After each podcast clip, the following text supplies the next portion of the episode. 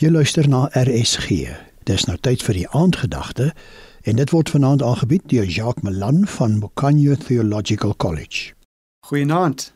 Ons lees 'n pragtige vers in Johannes 14 vers 27.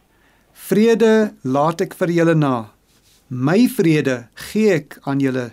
Nie soos die wêreld gee, gee ek aan julle nie. Laat julle hart nie ontsteld word en bang wees nie. Ja, die hoofstuk begin en eindig op dieselfde noot. Die disippels is ontsteld. Hulle het vrede nodig. Ek kon gegroet het Shalom. Vrede vir julle. Christene kan gerus mekaar groet met hierdie woorde en hulle weet dat die Here ware vrede gee. Daar's iets spesiaals, iets unieks aan Jesus se vrede. Die vrede wat hy noem my vrede. Die vrede wat anders is as die wêreld se vrede. Hoe is sy vrede anders? Dink na. Dit is omdat die wêreld nie die wortel van ons probleem kan oplos nie. Die wortel is sonde. Kom ons noem drie vorms van vrede wat Jesus bewerk vir sy volgelinge. Eerstens is daar vrede met God. As jy hierdie vrede het, is dit omdat jou sondes vergewe is en omdat hy nie meer kwaad vir jou is nie, maar 'n vriend en 'n vader. Ons weet tog hoe hy afgereken het met daardie sondes. Hy het hulle weggeneem so ver as die ooste van die weste. Jesus het aan die kruis gelei en gesterf. Nou is daar vrede tussen God en elkeen wat in Jesus vertrou. Maar daar's 'n tweede aspek van vrede en dit is vrede met mede-Christene. In Nederland is daar 'n streek van plase wat herwin is van die see.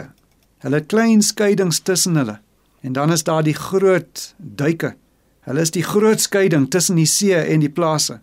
Jy kan jou voorstel as die duike breek, dan val daardie klein skeidings tussen die plase weg. Alles is net see. So behoort dit te wees tussen geestelike broers en susters. Ons verskille is relatief klein as die groot skeiding oorbrug is.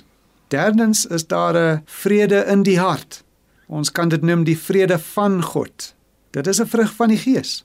Dit is 'n rustigheid in die hart wat nie heeltemal gesteer is deur omstandighede nie iemand wat jou beledig of 'n krisis wat ontstaan of gevare of verliese of mislukkings.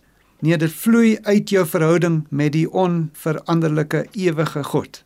Mede-Christen, herinner jou hart, jou gemoed en jou gesig dat jy hierdie vrede van Jesus het. Kom ons bid saam. Hemelse Vader, ons weet die wêreld soek vrede, maar dankie dat U vir ons ware vrede gegee het. Amen. Dit was die aandgedagte hier op RSG en is aangebied deur Jacques Malan van die Mokanyo Theological College.